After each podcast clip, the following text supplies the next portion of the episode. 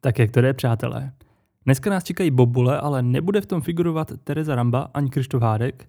Také si řekneme o jedné osobnosti, která jako jedna z mála měla při natáčení dost egoistický přístup. No a taky si řekneme třeba to, jak se jmenuje Joeyho táta.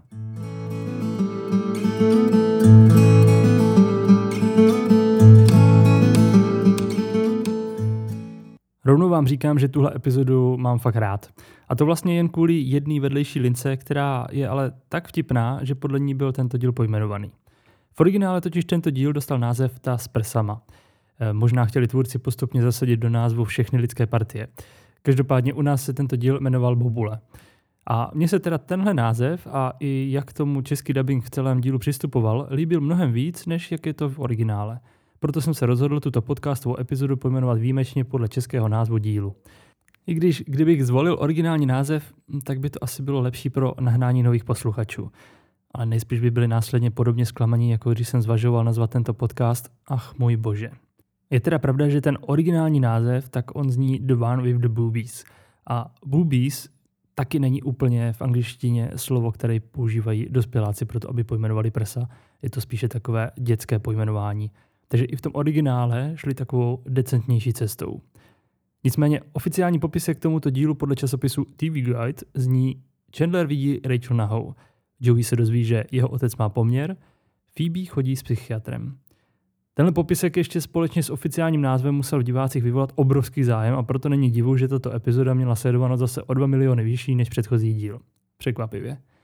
Díl začíná u Moniky v bytě, akorát bez Moniky. Chandler holkám rabuje lednici, když v tom vychází Rachel z koupelny a je tak trochu nahá. Kolem pasu má ten snad nejmenší ručník na světě a vršek nezakrytý a druhým ručníkem si suší vlasy. O Chandlerovi samozřejmě neví až do chvíle, kdy uslyší, jak zavřel dveře lednice. V ten moment se oba vylekají. Rachel z toho, že tam vůbec Chandler je a Chandler zase z toho, že vidí Rachel polonahou. Rachel si hned zakryje bobule přehosem, co ležel na křesle a začne Chandlerovi nadávat, že co tam dělá a jak nerespektuje soukromí. Do toho se jí Chandler snaží něco říct, ale jak je Rachel rozpálená, tak se nenechá jen tak přerušit, dokončí ten svůj sprdung a až pak se konečně Chandler dostane ke slovu, načež v originále řekne, že přehoz, kterým se zakrývá, má poměrně průhledný vzor a on stále vidí její bradavky. V češtině na to šli více obšírně a dost to navazuje i na to, jak tento díl pojmenovali. Těžko říct, jestli by prostě v tehdejší době ve veřejnoprávní televizi neprošlo, kdyby se díl jmenoval Presa a dále by o ženských prsou mluvili takto napřímo. A zase v tu dobu běžel v televizi pořád Česká soda a tam si jeli jiný bomby. Takže nevím, proč se vydali tohleto cestou, ale prostě se tak rozhodli. Každopádně v dubbingu Chandler říká, že přehoz, kterým se zakrývá, má celkem řídký vzorek a je skrz něj vidět její mamilární oblast. Tohle slovo jsem zatím vždycky slyšel jenom v dubbingu, přátel, nicméně se významově jedná o slovo bradavkový. Použito do naší situace tedy byla vidět bradavková oblast. Ale to, co mi strýček Google vyhodil jako první, když jsem to hledal, tak bylo, že existuje ještě mamilární tělesa, která jsou umístěna v mozku a jsou zodpovědná za, to zní, kdyby ty tělesa něco provedly. Tak jinak, eh, mamilární tělesa jsou důležitá pro vybavení si paměti, vybavení si vzpomínek. Pokud jsou poškozená, tak to vede k Alzheimerovi, schizofrenii a dalším takovým nepříjemným nemocem. Takže nepoplést, ať už tak nebo tak, rozhodně si vždycky chraňte svoji mamilární oblast. Tady u té scény jsem si ještě říkal, co si jako Rachel myslela. Vždyť má spolubydlící a do toho bytu si každý chodí jak chce. To už mohla za ten minimálně půl rok, co tam bydlí, vědět. To riziko, že tam na někoho v obýváku narazí, bylo obrovský. I kdyby to měla být jenom Monika, tak jakože hello, já mám teď na chvíli spolubydlícího a v životě bych nevylezl ze sprchy jen tak jakože dobrý den, ano, to jsem já, mám sice v ložnici župán, ale proč se obtěžovat? Nikdy. Takže za mě tohle si prostě Rachel způsobila sama. Taky je pak docela vtipné, že se Rachel rozčiluje, že Chandler viděl její mamilární oblast a přitom pak vznikne nespočet dílů, kde jsou Rachel vidět bradavky skrz oblečení. Hodně se spekulovalo nad tím, jestli to byl záměr tvůrců, že to Jennifer Aniston dostala povelem, aby si nebrala podprsenku. Ale prej ne. Prý podprsenku normálně měla, jen se prostě občas ty bradavky objevily i skrz oblečení. Celá tahle scéna s odhalenou Rachel se natáčela bez diváku a tak díky tomu můžeme částečně vidět čtvrtou stěnu obýváku, která tam za normálních okolností nebyla, jelikož tam byla tribuna s diváky. A je to tam trochu jako pěs na oko, protože to je opravdu naprosto holá zeď, bez jakéhokoliv obrázku nebo nějaký poličky. A vzhledem k tomu, jak vypadá celý byt, který je plný různých serepetiček, tak to působí docela nevěrohodně. Po úvodní znělce jsme zpět v kavárně, kde Phoebe představuje svého nového přítele Rogera. To hraje Fisher Stevens, kterého já osobně znám nejvíc filmu Číslo 5 žije. Celkem už starý film z roku 1986, ale jako malý jsem ten film měl moc rád. On to není úplně Oscarový film, ale vždycky mi přišel fajn, protože jsem byl malý kluk a v tom filmu hraje hlavní roli robot. Takže malý kluk ke štěstí eh, nic moc eh, víc nepotřebuje. Nehledě teda na to, že podobného robota, jako v tomto filmu, tak ještě uvidíme v Přátelích. A to, když Joey dostane hlavní roli v seriálu Mac and Cheese. První spoiler máme za sebou, jdeme dál. Ale vlastně nejdeme o moc dál. Ještě jsem chtěl k tomu hercovi Fisher Stevens. Jemu už je dneska 59 let a kromě toho zmiňovaného filmu číslo 5 žije, tak jsem ho pak nikdy vlastně nezaznamenal, až když jsem v covidu začal sledovat seriál Černá listina Blacklist. Pokud jste tento seriál neviděli, tak s ním ani nezačínejte, protože vám první série přijdou naprosto skvělý, nebudete schopni se od televize odlepit, ale je to ten typ seriálu, kde vzniká asi tak 100 otázek za díl a odpověď dostanete tak na jednu otázku z dřívějších dílů. A to ještě takovou mizernou, že doufáte, že se to pak někdy později dovysvětlí. Spoiler alert, nedovysvětlí. Ale stejně v tom zabřednete, dostanete se až do osmé série, kde máte dostat odpověď na tu nejhlavnější otázku celého seriálu a dostanete naprosto kulový. Těm, co zabředli jako já, tak přeju upřímnou soustrast. Nicméně v tomto seriálu hraje i právě Fisher Stevens a hrozně mě tam ta jeho postava bavila, i to, jak to herec hrál. Pak ještě měl hrát v novějším seriálu Boj o moc, tam se měl dokonce objevit v nějakých 25 epizodách, ale z tohoto seriálu jsem viděl jenom první díl a dál jsem nekoukal, ale třeba vy budete znát tohoto herce právě z tohoto seriálu. Jinak ty herecké úspěchy celkově nic moc zářného, ale on je také producent a to aktuálně celkem úctyhodných 45 filmů. Převážně to jsou teda dokumentární filmy a co mě překvapilo, tak je například podepsaný pod skvělým dokumentárním seriálem Tiger Kings, uh, ne Kings, King. Jestli jste neviděli, tak silně doporučuji. To je takový bizár, že se od televize taky nehnete, ale aspoň to má nějaký zakončení. Ale proč to říkám, že je tento herec taky producent? Protože na tomto poli se mu daří celkem o dost víc a dokonce vyhrál Oscara v roce 2010 za dokumentární film Zátoka, který mě svým popiskem celkem zaujal a mám v plánu na to mrknout. Kdyby vás to zajímalo, tak ten popisek zní. Dokumentární film sleduje elitní tým aktivistů, filmařů a potápěčů, kteří se vydali na tajnou misi, jejímž cílem bylo proniknout do skryté zátoky v japonském Taiji a odhalit její hrozivé tajemství. Využívali přitom speciální techniky, včetně skrytých mikrofonů a kamer ve falešných kamenech a díky tomu odhalili, jak děsivé, děsivě tato malá přímořská vesnice přispívá k obrovským ekologickým zločinům, jež se dějí po celém světě. Výsledkem je provokativní mix invegis, kudla, investigativní žurnalistiky, ekodobrodružství a poutavých filmových obrazů, který dohromady tvoří nezapomenutelný příběh inspirující k akci diváky po celém světě. Uf. No řekněte, nezní to poutavě? A opovažte se říct, že nezní. Takže film Zátoka, jednou se vás na to zeptám, jestli jste viděli a co jste na to říkali. Ještě jedna zajímavost k tomuto herci, on se původně jmenoval Steve Fisher, jenže když začal být herecky známý, tak zjistil, že jeden herec se jmenuje úplně stejně a protože se chtěl odlišit, tak si prohodil jméno za příjmení a příjmení za jméno a rázem z něj byl Fisher Stevens. Ale zpátky k ději. Hned prvních vět od Phoebe se dozvídáme, že Roger je psychiatr a nevím jak vám, ale mně přišel Roger hned od začátku strašně nesympatický. Proč tomu tak možná bylo, to prozradím později. Poté, co se Roger posadí k ostatním přátelům na gauč, tak dojde i na téma, že Chandler viděl Rachel Bobulky. Z toho je celý nesvůj roz, dožaduje se odpovědi, jak se to stalo, zatímco Rachel by si spíš přála, aby se začali bavit o něčem jiném. Chandler typicky vtipkuje, na čež ho začne Roger psychiatricky rozebírat, že používá humor jako svůj způsob obrany a aby si lidi držel dál od těla. To máme poprvé zmínku o tom, proč Chandler tak vtipkuje a ještě nám to bude v budoucnu párkrát připomenuto. Do toho všeho přichází Joeyho táta, kterého hraje Robert Costanzo. Tomu už je dneska 80 let a je vtipné, že on se sice narodil v Brooklynu, ale jeho rodiče jsou Italové. No kdo jiný by mohl hrát Joeyho otce, než někdo s italskými kořeny. A že to teda pěkně rozčísne hned na začátku. Se všemi se pozdraví, ale u Rogera se zasekne s tím, že jeho nezná. Phoebe mu ho představí jako svého přítele a Joeyho táta se jí obratem a naprosto bez ostychu zeptá, co se stalo s loutkařem. A Joey na něj hned začne gestikulovat, aby se na tohle neptal. A tak, aby to táta zamluvil, tak se zeptá Rose, co jeho žena. čímž to ještě zhoršil a tak tahá ESO z rukávu, když řekne Chandlerovi, aby rychle řekl nějaký vtip. A ten mlčí, protože mu právě bylo řečeno, že vtipem si od lidí drží odstup. Což já teda nevím, jo, ale řekl bych, že mlčením si člověk drží mnohem větší odstup od lidí, než když člověk vtipkuje a baví tím své okolí. O tom loutkaři se ještě přátelé pak v budoucnu baví, ale bohužel se mi nepodařilo najít v jakém díle, tak si budeme muset počkat, až na to prostě narazím při zpracování dílu pro podcast. Mimochodem, víte, jak se jmenuje Joeyho táta?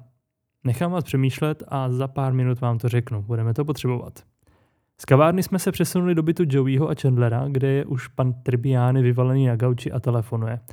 Tady je taky vidět, že ještě tvůrci hledali to správné rozložení věcí po bytě, protože ten gauč je umístěný celkem nepřirozeně. Takhle do prostoru, šikmo otočený na stěnu, kde očividně nic není k vidění, protože televizi máte za zády, ale zase z pohledu rozestavení kulis, tak aby dobře vše viděli diváci, tak tam to naprosto dává smysl. Je to tedy spíš takové divadelní rozestavení než to filmové, ale to časem vychytají, jakmile přijdou do bytu křesla. Pan Tribiani si s někým volá a podle toho oslovování a vyjadřování lásky si Joey myslí, že si volá s jeho mámou. Proto bez varování čapne telefon a začne ke své mámě mluvit a rychle zjistí, že na druhé straně není jeho máma, ale úplně cizí ženská. Teda cizí, jak pro koho. Tím se provalí, že Joeyho táta je nevěrník. V další scéně máme příležitost vidět dvě ojedinělé věci, které se, mám pocit, už nikdy nebudou opakovat. Jedna z nich je, že vidíme Joeyho, jak něco vaří. V pozdějších dílech už si Joey vždycky jen jídlo objednává nebo si zajde na jídlo vedle k holkám. Ale to mě když tak opravte, ale já jsem si opravdu na jinou scénu, kde Joey vaří, nespomněl. Nepočítám teda ty scény, kdy si připravuje sandwich, to za vaření nepovažuju. Ale s tímto vařením to máme ještě druhou ojedinělou věc a to je, že můžeme vidět zapnutý hořák na kamnech a že se tam opravdu vařilo. Což muselo být náročné, jestli se scéna několikrát opakovala, tak stále hlídat, aby se daná věc na pánvice nepřipalovala. Na což teda upozorní i sám Joeyho táta, že se mu pálí rajčata a jak je Joey naštvaný, tak ten mu jenom ocekne, no ty máš tak co říkat. Ale ještě k tomu zapnutému hořáku. Ten jsme ještě mohli vidět v dřívějším díle, kde uletěl Hafík a Monika spálila všechny druhy brambor, co připravovala, ale pak ani u ní v bytě už zapnutý hořák, myslím, nebude k vidění. A ono to dává celkem smysl vzhledem k bezpečnosti, že by byla reálná šance, že v tom natáčecím zmatku by se na hořák mohlo snadno zapomenout a celé studio by pak rychle mohlo lehnout popelem. Joey se teda dozvěděl tuto nepříjemnou novinku, že jeho táta má milenku, jejíž povolání je, že vyptává mrtvá zvířata. Joey se tak vyptává, jak dlouho už to trvá. Tady mě vždycky pobaví, jak pan Tribiani začne, že jestli si Joey pamatuje, jak ho jako malého brával do doku koukat na lodě a Joey se vyděsí se slovy tak dlouho a pan Tribiani odpoví ne, že to trvá jenom 6 let, ale že mu chtěl připomenout hezký časy. Vtipná je i následná poznámka, když pan Tribiani řekne, že je moc zamilovaný a nejhorší je, že do dvou ženských zároveň. A Joey už očividně připravený na všechny možnosti se ujišťuje, jestli je jedna z nich aspoň máma. Při přechodu do další scény je použit prostřih na noční New York a k tomu hraje jedinečná znělka, která už nikdy více není v tomto seriálu použita. Její prodlouženou verzi použil potom Microsoft o tři roky později ve své 51 vteřinové reklamě na Microsoft Home Essential 98. Microsoft měl dokonce i videoprůvodce, co všechno umí jejich chystaný Windows 95, tedy předchůdce 98. Jedná se o pětiminutové video, kde Windows 95 objevují Jennifer Aniston a Matthew Perry. A je to docela vtipný. Jsem docela překvapený, že s tím přišel Microsoft. Lehce to dohledáte na YouTube, když zadáte Jennifer Aniston, Matthew Perry a Windows 95. Klidně na to mrkněte. Já jsem se docela pobavil. Nicméně v příběhu děje se Joey svěřuje přátelům, jak je to v háji, že jeho táta je mámě nevěrný. Navazuje ještě vystřížená scéna, kdy se Monika ptá Rose, jestli si myslí, že jejich táta někdy podvedl jejich mámu. Na to Ross odpovídá, že si to nemyslí, protože to by znamenalo sex a on by si rád myslel, že jejich rodiče takové věci vůbec nedělají. Do toho se nám vrací linka o bobulích, kdy Chandler nedokáže spustit oči s prsou Rachel a tak přátelé rychle přejdou z utěšování Joeyho na řešení opravdu podstatných věcí. Ross navrhuje, že aby to bylo fair, tak by měl Chandler ukázat svůj kus a nikdo si pak nebude nic vyčítat. V českém dubbingu tedy kus za kus, možná lepší by bylo oko za oko. A v originále jsem se dovzdělal, protože v angličtině se prý říká tit for tat. Takhle, aby to bylo opravdu fair, tak by měl Chandler ukázat svoji mamilární oblast a tím by vyšlo najevo, že má tři bradavky, z čehož by Rachel pravděpodobně jen tak neusla. A kdo pak nám to přichází na scénu? Náš neoblíbený Roger. Ještě než stihnou s Phoebe dojít do bytu, tak se Chandler vyjádří celkem jasně, že ho nesnáší. Ross se ho ale začne zastávat, že je to jenom jeho práce a že není tak špatný. Střih a Ross už tak trochu Rogerovi nadává, že se naprosto plete. Očividně začali rozebírat Rossův rozvod a že to dost možná chtěl on sám, aby se jeho zastíněný sourozenec necítil tak špatně. Tím do toho vtáhnul i Moniku. V následující scéně vidíme, jak Roger rozebírá Rachel, kterou zvládne víceméně rozbrečet. Když pak Roger s Phoebe odchází do kina, tak si ještě neodpustí poznámku na Moniku, ať si dá pozor na ty sušenky. Je to jenom jídlo, není to láska. Tím nám je opět připomenuto, že dřív Monika hodně jedla. Taky vidíme, že když je Monika naštvaná, tak jde bokem i její posledlost úklidem a čistotou, protože poté, co Roger zavře dveře, tak po něm hodí z naštvání několik sušenek. Něco podobného jsme ostatně mohli vidět už v díle, kde rošlápla hodinky vrchního póla a nechala je tam ležet. Když se Chandler a Joey vydávají do svého bytu, tak na chodbě narazí na cizí paní, jak sedí u jejich dveří. By the way, tady můžeme vidět, že se čísla bytu 19 a 20 opět vrátily. Tou cizí paní je Ronnie, vycpávačka zvířat, a.k.a. milenka pana Trbiányho. Tu hraje herečka Lee Garlington. A nyní už je na čase zodpovědět kvízovou otázku, protože tady potřebujeme napravit to, co zazní v dubbingu, ale v originále je to jinak.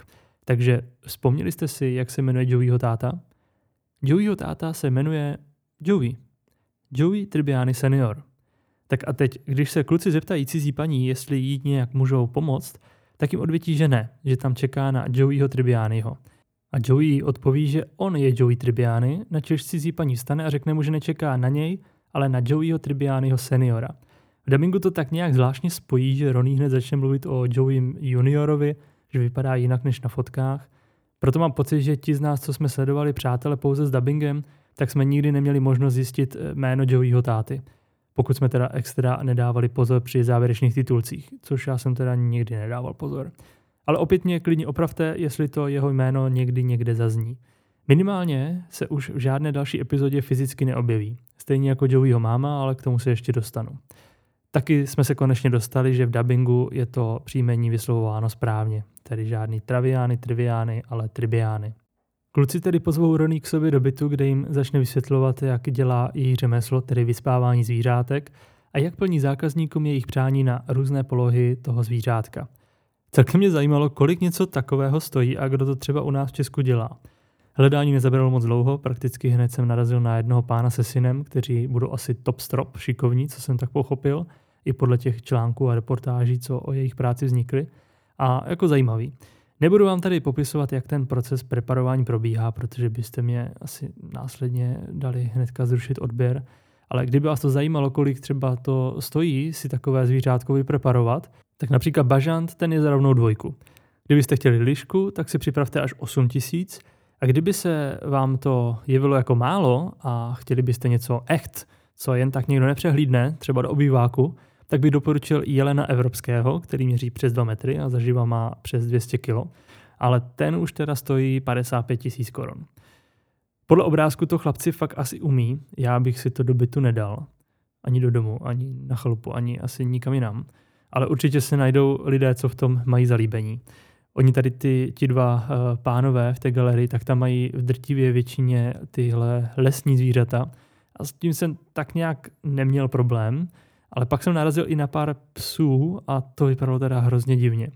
Jakože představa, že mi umře pes, dám ho vypreparovat a pak si ho vystavím v předsíni a každý den na něj koukám. Hele, asi ne, děkuji, nechci.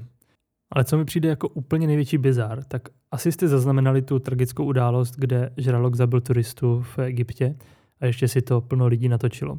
A zhodu okolností včera na mě vyskočil článek, že tohoto žraloka dopadli, sejmuli ho a nyní ho preparují, aby byl vystaven v muzeu v Egyptě. Jako dělat z toho atrakci? Žijeme v opravdu zvláštním světě. Pojďme ale zpátky k příběhu.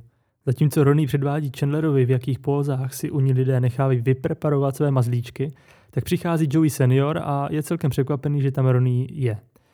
Proč vůbec takhle přišla, se hned zápětí dozvídáme. Joey senior si u ní totiž zapomněl svůj příčesek a další den má důležité jednání, tak mu ho donesla. Pak nastává trapná chvilka ticha, kterou se snaží rozbít Chandler s tím, jestli si nezahrajou nějakou hru. Ronnie se chystá odejít a tady si můžeme všimnout chyby, protože když Joey senior přišel, tak za sebou zavřel dveře. Když se ale Ronnie rozhodla, že půjde, tak jsou dveře opět otevřené, aby je následně mohl Joey junior zase zavřít, když se jeho táta s Ronnie chystají jít spolu do hotelu, což nemůže dopustit. A tak se role prohodí a Joey junior začne tak trochu být rodičem svého táty. Rozhodne, že zůstanou oba přes noc u nich v bytě, ale Joey senior bude spát u syna v pokoji, Ronnie bude spát u Chandlera a Joey junior s Chandlerem budou spát na pohovce v obýváku a budou je hlídat, jestli neprovádí nějaké nestoudnosti. Zároveň po tátovi chce, aby si to urovnal. Buď se má rozejít s Ronnie, anebo si to má vyjasnit s mámou. V noci na gauči Joey nemůže usnout, protože je zvyklý spát na ostříže.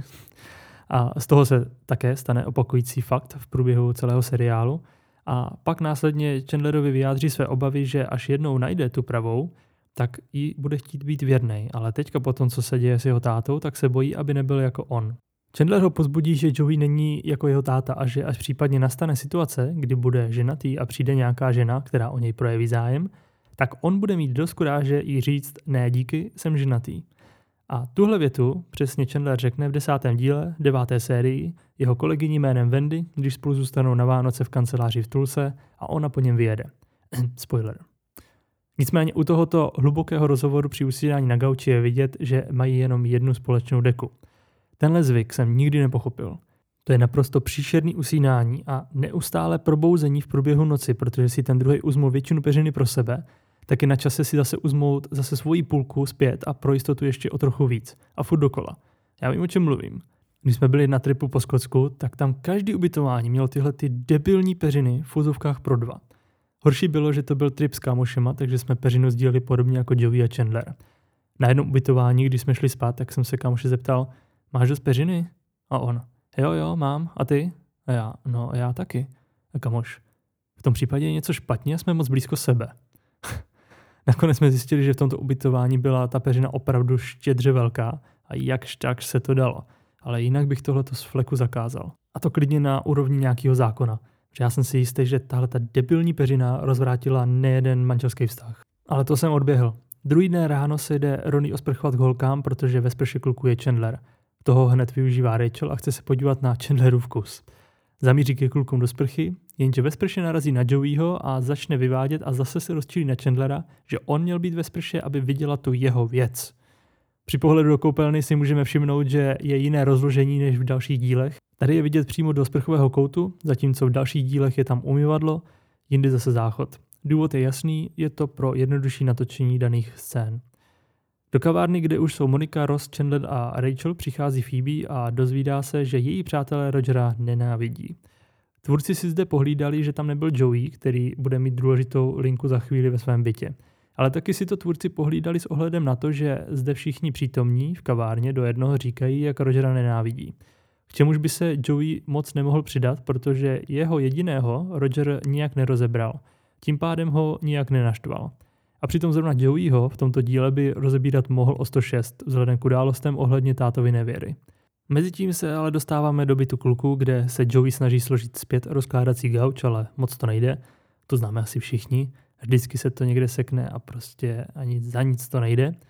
Do toho přichází Gloria Tribiani v podání Brandy Wakaro. A světe div se, i její rodiče jsou původem Italové. Dokonalí. Této herečce je dneska 83 let, což je masakr. Stihla se čtyřikrát vdát a chodila sedm let i třeba s Michaelem Douglasem.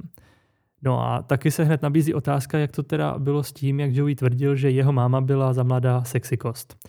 Koukal jsem na její fotky z mládí a byla pěkná. Není to můj typ, ale opravdu byla pěkná, takže Joey nekecal. Na fotky se opět můžete podívat už teď na Instagram, tak jak to jde pod teřítko přátelé. Každopádně tady už je Gloria trošku korpulentnější a hlavně po osmi dětech, takže není co vyčítat. A taky je pěkně od rány. Joey mu předá tašku sídlem a pak výchovný pohlavek. A začne mu nadávat, proč do celé té situace ohledně tátovy milenky strkal nos. Joey je překvapený, že o tom máma ví a u toho si opět můžeme všimnout chyby, protože když Joey postaví tašku na linku, tak se zápětí převrhne na bok. Ale v dalším záběru už taška zase stojí. Stejně tak si Gloria odloží svoji kabelku na linku, ale opět v dalším záběru je v jiné poloze.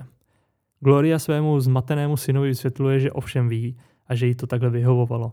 Že už není Joey senior nevrlý, ale naopak je k ní více pozorný. A Joey junior to zkazil a ona to chce zpět tak, jak to bylo. Gloria také zmiňuje, že v ideálním světě by nebyla žádná vycpávačka a jeho otec by vypadal jako Sting. A na Stinga máme návaznost dílu, kde Joey pozuje na plakátu proti kapavce, protože v potitulkové scéně, jak strhává tu část o, kaka, o kaka, kakavce, hm, kapavce, tak u toho hraje melodie ze Stingovy kapely The Police.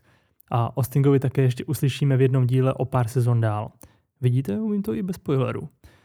Glorie také osloví Joeyho jako Cookie, tedy sušenko, a ve skutečnosti takto pojmenovala jednu ze svých dcer, Joeyho sester.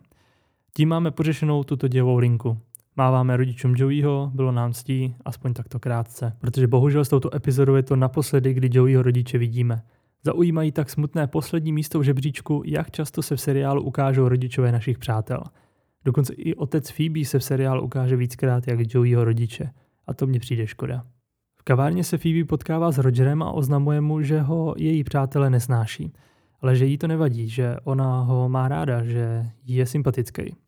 A tady jsem si říkal, jestli bych opravdu já dokázal chodit s někým, koho moji nejlepší přátelé vyloženě nesnáší. Velmi pravděpodobně nedokázal, protože to, že jsou to moji nejlepší přátelé, vypovídá o tom, že je mi s nima dobře, že rád s nimi trávím čas a že to funguje i obráceně. Bude to tedy moje cílová skupina a když ti to přátelé vyloženě nesnáší někoho, koho jsem jim představil, tak by to pro mě byl velký vykřičník, že nejspíš něco zásadního přehlížím. A k tomuto závěru naštěstí dojde i Phoebe. Roger se totiž projeví naplno a i Phoebe si uvědomí, že to je velmi zakomplexovaný idiot. K tomuhle mám ještě jednu zajímavost. Před 12 lety byla Jennifer Aniston v jednom televizním rozhovoru a tam se rozpovídala, že za celou dobu přátel se v seriálu vystřídalo spoustu známých jmén a opravdových superhvězd. A všichni byli strašně fajn. Byla ale prý jedna osobnost, která byla strašně nepříjemná. Hrozně si o sobě myslela a nikdo tuto osobnost neměl na place rád. Že to byla opravdu jedna z nejhorších zkušeností během natáčení všech deseti sérií. Ale nikdy neřekla jméno té osobnosti. Jenom, že někdo takový prostě za těch deset sérií byl. Po deseti letech od tohoto rozhovoru. Tak vzniknul další rozhovor. Tentokrát ne s Jennifer Aniston, ale s představitelem Rogera, tedy s hercem Fisherem Stevensem. A ten na sebe v tom rozhovoru prásknul, že se tehdy choval jako hrozný kretén. A vysvětlil, proč tomu tak bylo. Tehdy už byl celkem dost známý ve světě filmu a měl natáčet epizodu seriálu, který ještě ani nebyl venku a vůbec ho neznal. Navíc to pro něj byla první zkušenost s formátem seriálu jakožto se sitcomem takže už na začátku byl naštvaný, protože letěl z New Yorku do LA, během cesty se naučil celý scénář, to, co měl říkat, a když přiletěl, tak mu řekli, že to už neplatí, že se to celé přepsalo a všechno je jinak. Tak jim vynadal, že co to je za bordel, že to přepsali ještě horšíma dialogama, než to bylo původně. Sám ale po těch letech uznal, že prostě nevěděl, jak sitcom funguje a že tohle dělá sitcom sitcomem, že se neustále všechno mění a je to celé takové živé a že by se rád všem účastníkům omluvil za to, jak se choval. Tak možná proto je Roger hned od první chvíle tak nesympatický. Jasně, dostal takový charakter postavy do scénáře, ale byla tam i přidaná hodnota, že se herec choval jako dement i mimo záběr. Joey přátelům nakonec vysvětluje, jak to teda s jeho rodiči bude dál, že teda bude Joey senior dál chodit z Roní, jeho máma bude dál předstírat, že o ničem neví a všichni budou spokojeni.